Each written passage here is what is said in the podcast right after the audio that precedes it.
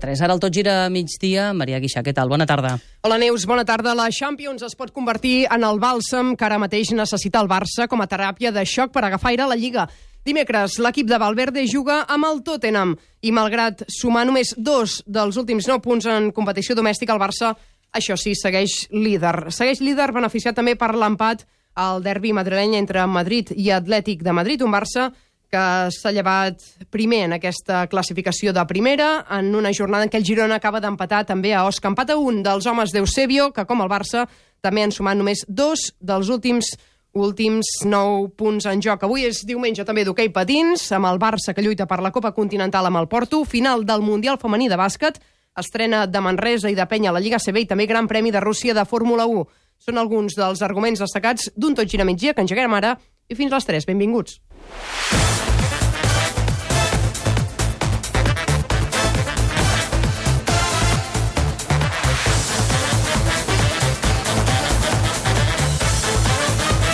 Tot gira migdia amb Maria Guixà. Primera feina és marxar cap al El Coraz, empat a un de Girona a Osca.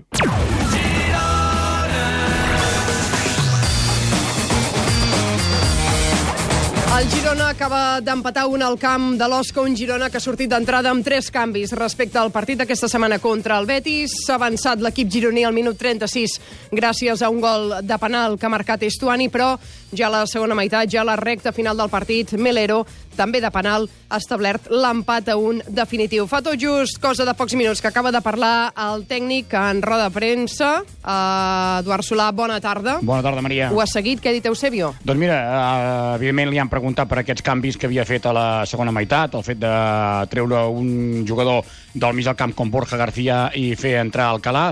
Ha dit perquè ja havia vist, uh, ho ha justificat perquè ja havia vist els últims minuts de la primera meitat que l'Osca els començava a fer mal i quan li han preguntat si la davallada del Girona a la segona meitat havia estat tàctica o física, ha dit això.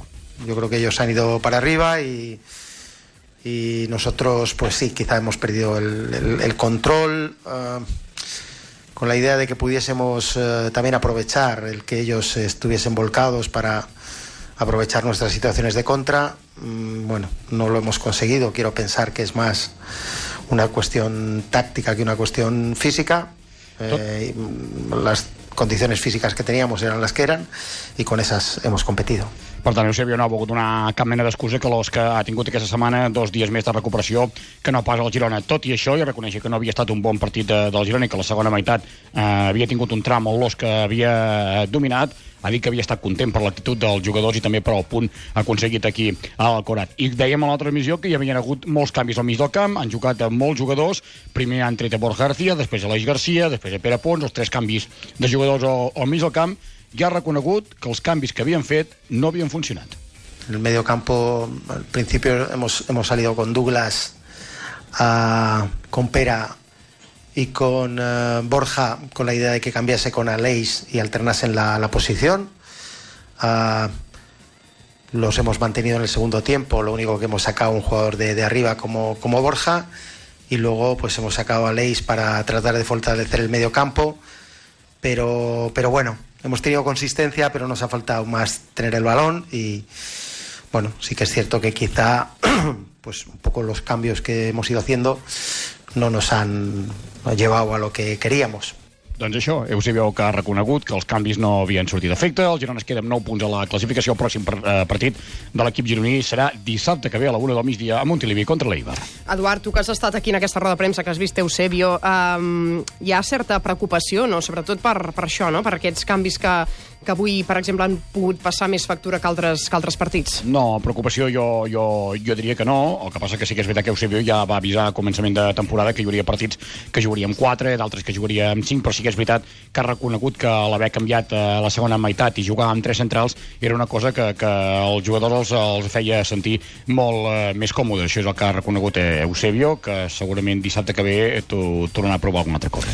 Gràcies, Eduard. Adeu! de l'Eduard cap a una altra zona amb protagonistes. En aquest cas, anem cap als vestidors.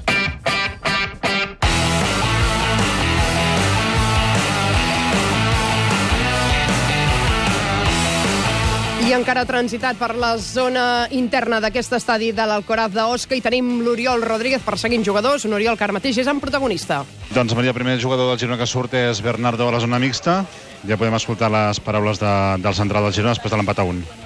Es una oportunidad perdida?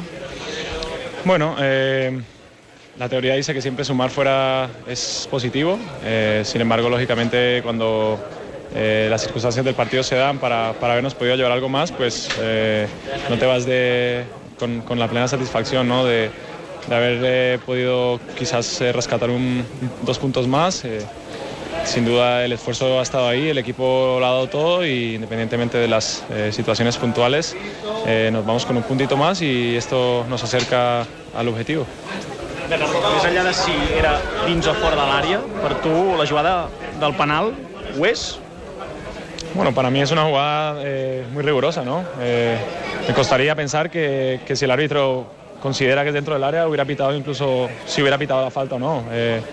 Yo en ningún momento voy a, a- la disputa al choque, es un balón muy alto que, que voy a disputar y el, rival ni siquiera salta y, me parece demasiado rigurosa, ¿no? Eh, las comparaciones son odiosas. La semana pasada nos, nos vamos con, con ocho puntos en la cara de un compañero y, y sin haber señalado ni siquiera falta y, hoy con, con una jugada que, que llega a ser en cualquier otro sitio del, del campo. Quizás eh, no hubiéramos estado hablando ni de falta, eh, te vas con, con un penalti en contra y, un gol, ¿no? Bernardo, ¿os ha sorprendido el cambio de, de táctica eh, en el descanso? Cambiar a- otra vez a tres centrales? Porque cuando en teoría el equipo tendría que haber estado mejor en defensas, cuando ha sufrido más en la segunda parte. ¿no? Ninguna sorpresa. Al final entrenamos cada semana eh, muchas situaciones de partido eh, con diferentes eh, situaciones en el campo y, y el que decide es el, el míster.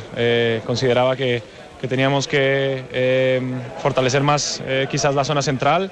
Eh, estaban también haciendo muchos duelos dos para uno en las bandas y, con jugadores exigidos quizás de nuestra parte con, con otras características. quiso reforzar ahí los, los carriles y en medio campo. Al final el partido, como yo le he dicho, ¿no? se, se parte por, por circunstancias, el rival también tiene que poner toda la carne en el asador y, te hace también eh, daño. ¿no? Al final también tiene sus armas y nosotros eh, debemos eh, seguir al pie de la línea el guion que nos marca el míster y, eso es lo que hemos hecho. ¿no? Al final creo que hemos tenido ocasiones también para poder matar el partido y no lo hemos hecho.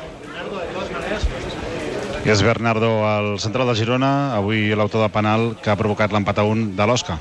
Gràcies també, Oriol, doncs, des d'aquesta zona de vestidors. Un Girona que ha jugat avui. Ahir ho va fer el Barça, que segueix sent líder de la Lliga. Sí, un Barça líder, malgrat deixar-se 7 punts aquesta setmana.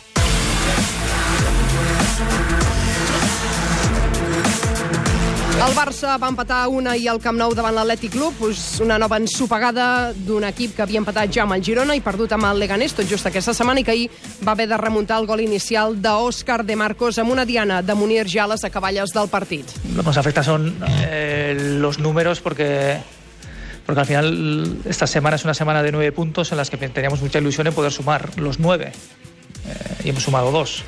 Entonces es una, mana- una semana difícil, una semana difícil porque al final no hemos conseguido los objetivos que, que queríamos. És la reflexió del tècnic Ernesto Valverde, que va tornar a apostar i per les rotacions de cara a la Champions. Messi d'entrada a la banqueta, també Busquets, tots dos van sortir a la segona meitat.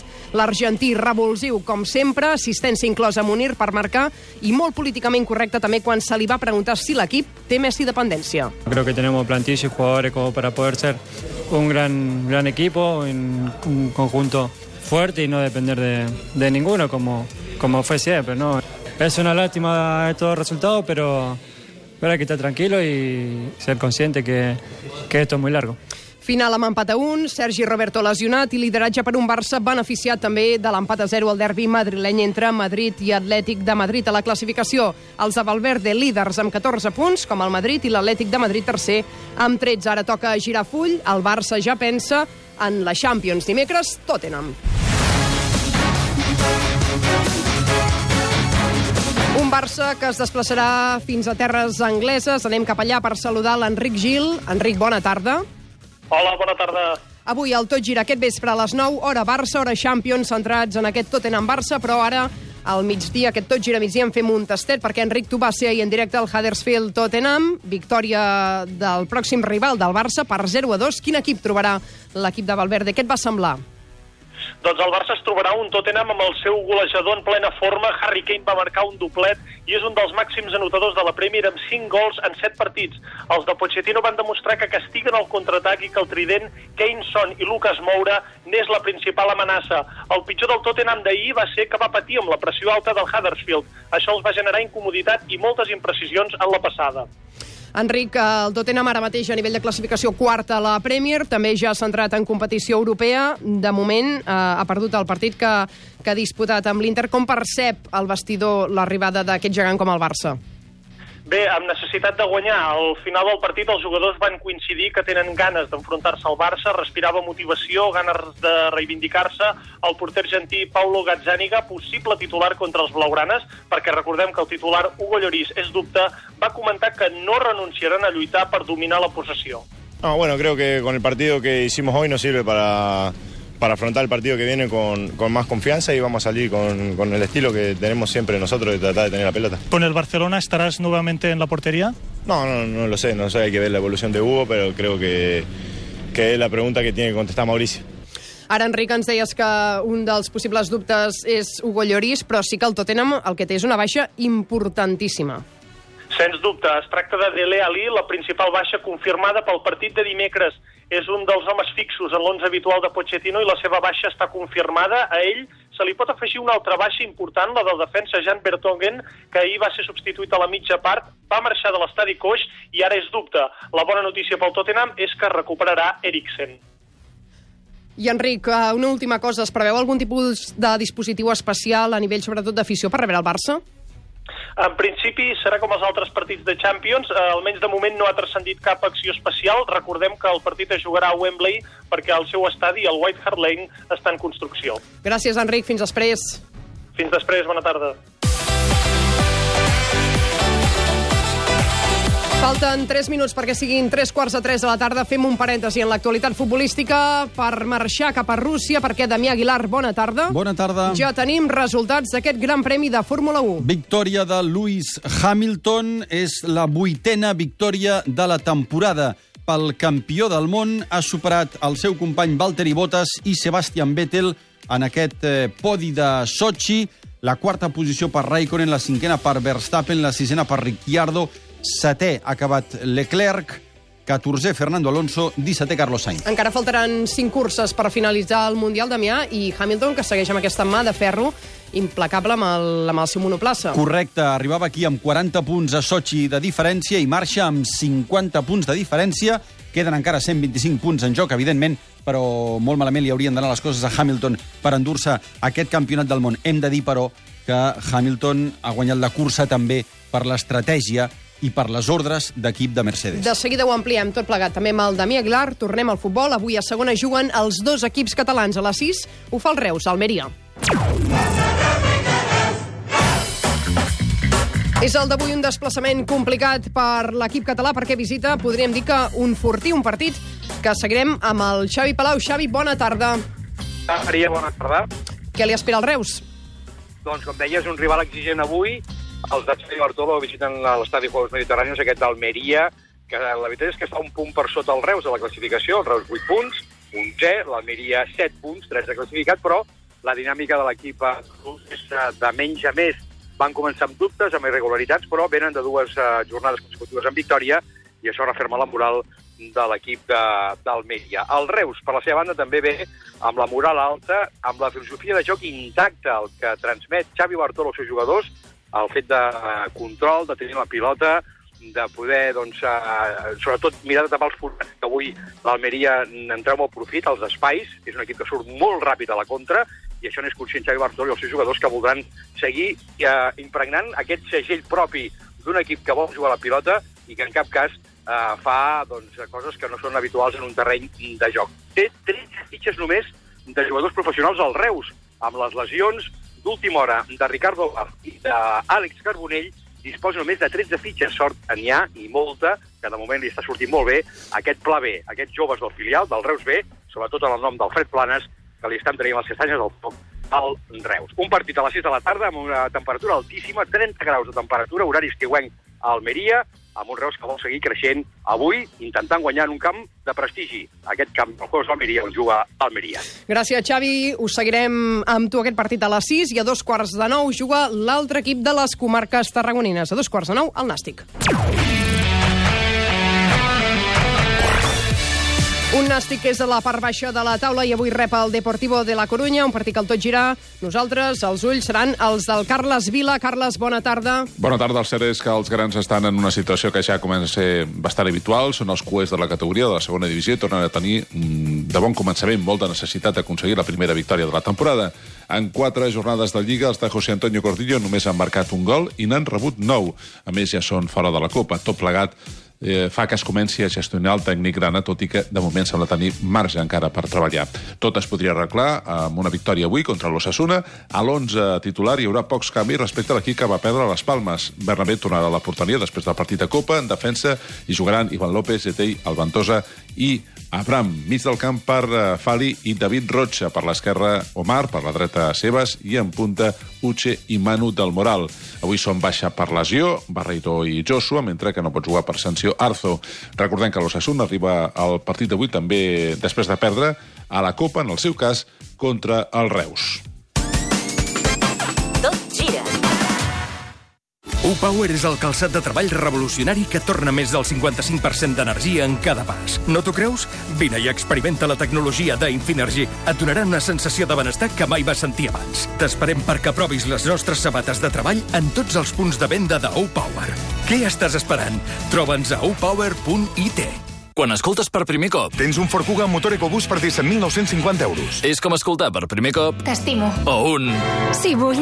Escoltar per primer cop tens un Ford Kuga amb motor EcoBoost per a molts el millor motor gasolina del món per 17.950 euros. És irrepetible. Finançant amb FCE Bank. Condicions a Ford Ponès i només fins a final de mes. Xarxa Ford de Catalunya. A la metròpolis Barcelona hi passen moltes coses, més de les que pots imaginar. Escolta'ns els diumenges al suplement.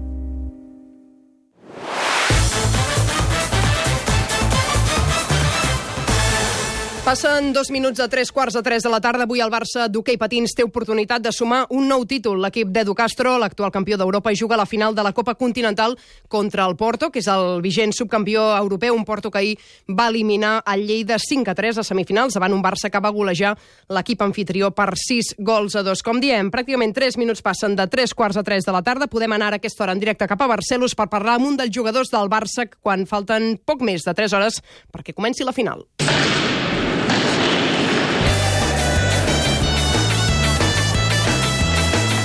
Roca, bona tarda, com estàs? Molt bé, molt content per la victòria ahir i amb ganes de jugar avui. Estàs nerviós? No, no, no tinc especialment nervis. Estic il·lusionat pel partit d'avui i amb moltes ganes i, i vull que ja sigui el, jugar el partit ara. T'ho pregunto perquè acabes de fer 21 anys, eh, de fet vas tenir pastís i tot aquí, aquí a Barcelos. Quina, quina dimensió té per tu jugar una final contra el Porto? Són partits molt importants que fan sumar experiència i, i estic molt il·lusionat per jugar partits com aquest. Espero que, que puguem jugar moltes més finals i amb moltes ganes de jugar i endur-nos el títol. És aquest Barça-Porto la reedició de l'última final de la Lliga Europea. Quines són les armes que té aquest Barça, Nil? Bueno, nosaltres som un equip molt, molt sòlid, tant en defensa com en atac, juguem als quatre, i crec que tenim un, un ritme molt alt, i això fa que els rivals acabin, acabin cansant-se, i el que va final del partit és quan decidim el partit. Tu acabes de tornar a Can Barça després de- d'una etapa formativa al club i després d'haver jugat recentment al Noia. Com t'està anant l'adaptació a l'equip? Com l'estàs veient? I sobretot en aquestes alçades de temporada, quin punt de, de balanç poses? Bé, estic molt content per l'adaptació que estic tenint, tant els, els entrenadors com els companys estan ajudant molt. Estic positiu i amb ganes de seguir creixent en, en aquest equip i res, amb moltes ganes d'ajudar l'equip i tenir, tenir minuts per, per ajudar-lo. És el Nil Roca, jugador del Barça d'hoquei patins, en directe al Tot Gira migdia, poques hores abans d'aquesta final continental que l'equip juga avui contra el Porto. Nil, gràcies i molt bona sort. Moltes gràcies, Maria.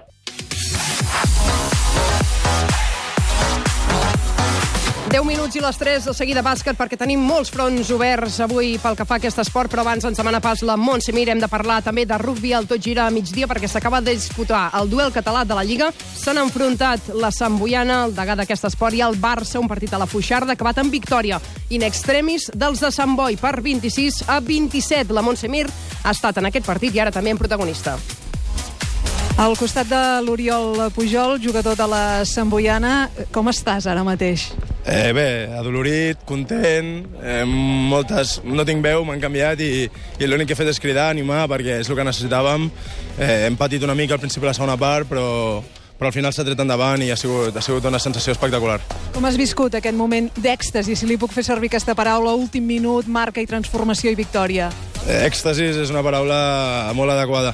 La veritat és que bé, hem, hem patit una mica al principi de la segona part, com he dit, hem baixat una mica el ritme, però ens hem, hem fet uns canvis molt bons, ens han ajudat molt a pujar el nivell i els últims 20 minuts l'únic que hem fet és creure, creure, creure, anar endavant i ens ho hem tret. Vosaltres sou un equip que veníeu de perdre dues eh, jornades, dos, no sé si dirien sopegades, però sí dues derrotes al començament de la Lliga. Us reforça la victòria d'avui? Ah, definitivament sí, ens reforça molt. És, és, és una victòria que l'equip la necessitava per guanyar confiança, tornar... hem fet molt bé el nostre joc, tornem a, tornem a estar aquí i ara sí que anem a, només cap amunt, només cap amunt i a lluitar-ho, a lluitar-ho tot. Ara celebrar-ho? A celebrar-ho molt ben celebrat, ens mereixem. Gràcies. Moltes gràcies a tu.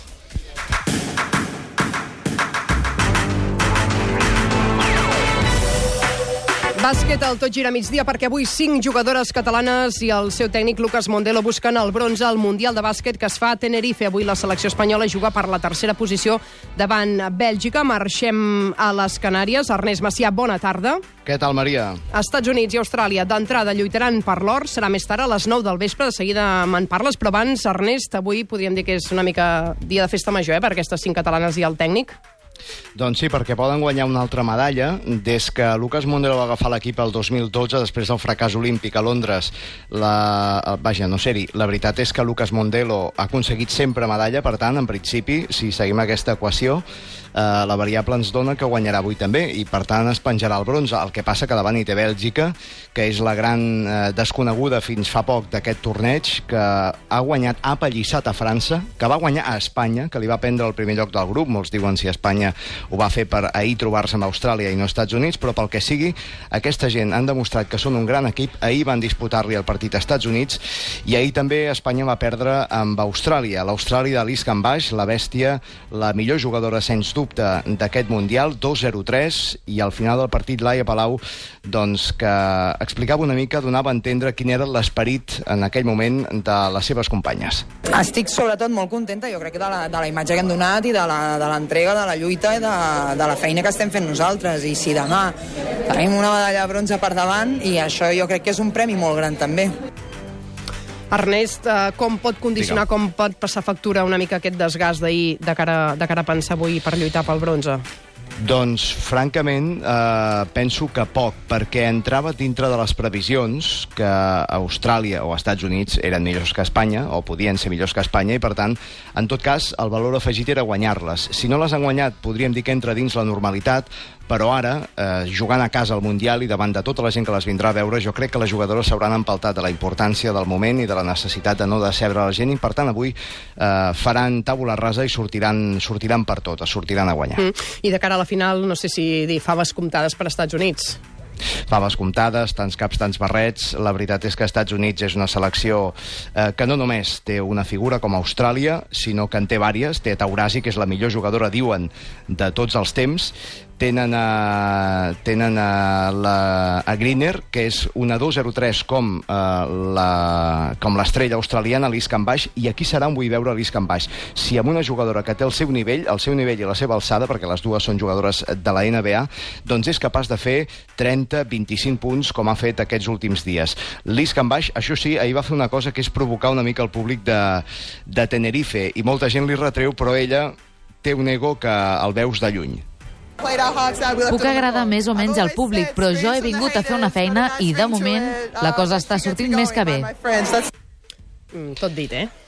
Sí, sí, és, és un caràcter, és un activista, és una persona que, a més a més de tenir ego, doncs el projecte també cap a coses positives, com Mm. per exemple eh, criticar per què Austràlia es menys té els negres. Ah, mira. Això li ha portat Molt molts bé. problemes d'alguns patrocinadors. Per tant, bé. Sempre està bé ser fidel a una idea. Mhm.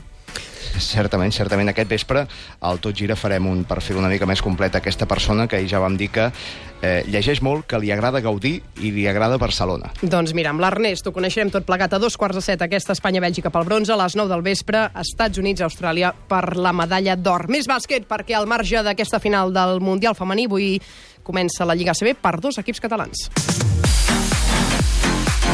Xevi Soler, bona tarda. Bona tarda. Un d'aquests equips ja debutat és el Baxi Manresa, que ha jugat a la pista de l'Estudiantes. I gran victòria de l'equip del Bages, que ha acabat guanyant in extremis Estudiantes 77 Manresa 79 amb una cistella als últims instants del seu base d'Àlex Renfro en un partit on a l'inici semblava que el Manresa el guanyaria fàcil, parcial de 2 a 14 a l'inici, on l'Estudiantes no només ha igualat el partit, sinó que ha arribat a guanyar a 10 punts i al final amb un final igualat li ha sortit cara a un Manresa que comença molt bé la Lliga, comença amb aquesta victòria a pista d'estudiantes, tenint en compte com han anat les seves últimes participacions a la Lliga CB.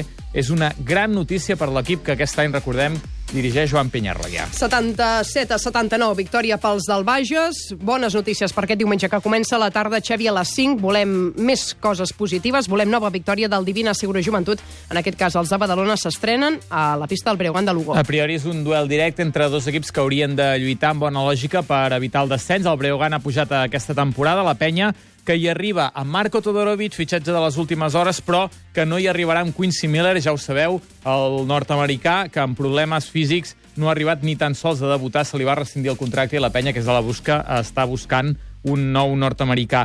També serà interessant trobar-se Sergi Vidal a les files del Breogán, tot i que és dubte el jugador català. Recordeu, va ser el, un, de, un jugador de la penya a les últimes temporades. Aquest any el van eh, convidar a marxar. Carles Duran, l'entrenador, va dir que no tindria minuts i ha anat el, uh, el Breogán, que també s'ha reforçat amb un ex de la penya, amb Jerome Jordan, que tot i això no podrà jugar el partit. A partir de les 5, aquest partit entre el Breogán i la penya. I, Xevi, per acabar el marge de l'ACB, avui també tindrem els ulls posats al Prat de Llobregat. Sí, amb les 8, amb la final de la Lliga Catalana a l'EP, una final, curiosament, de dos filials. El Prat, eh, que és el filial de la penya, contra el Barça B. El Barça B, que hi podrà anar amb tota la plantilla, inclòs Aleix Font, que participa en dinàmica del primer grup, en canvi el Prat, que tindrà moltíssimes baixes, perquè, curiosament, són amb la penya aquesta tarda, no hi seran Joel Parra, Terence Bieshar i Artur Sagar, segurament els seus tres millors jugadors, perquè estaran en la convocatòria de la penya d'aquesta tarda. I, Xevi, no marxis, perquè també hem de parlar de ciclisme.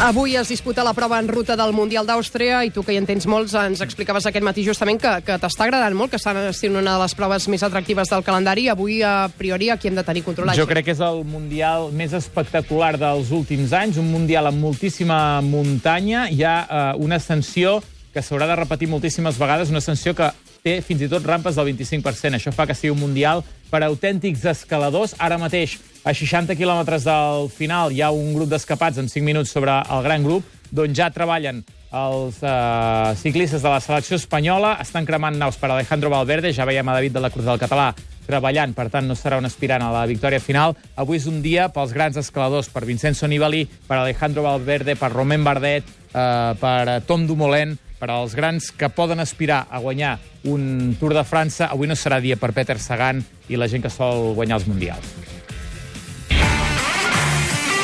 La xarxa Fort de Catalunya t'ofereix aquest espai.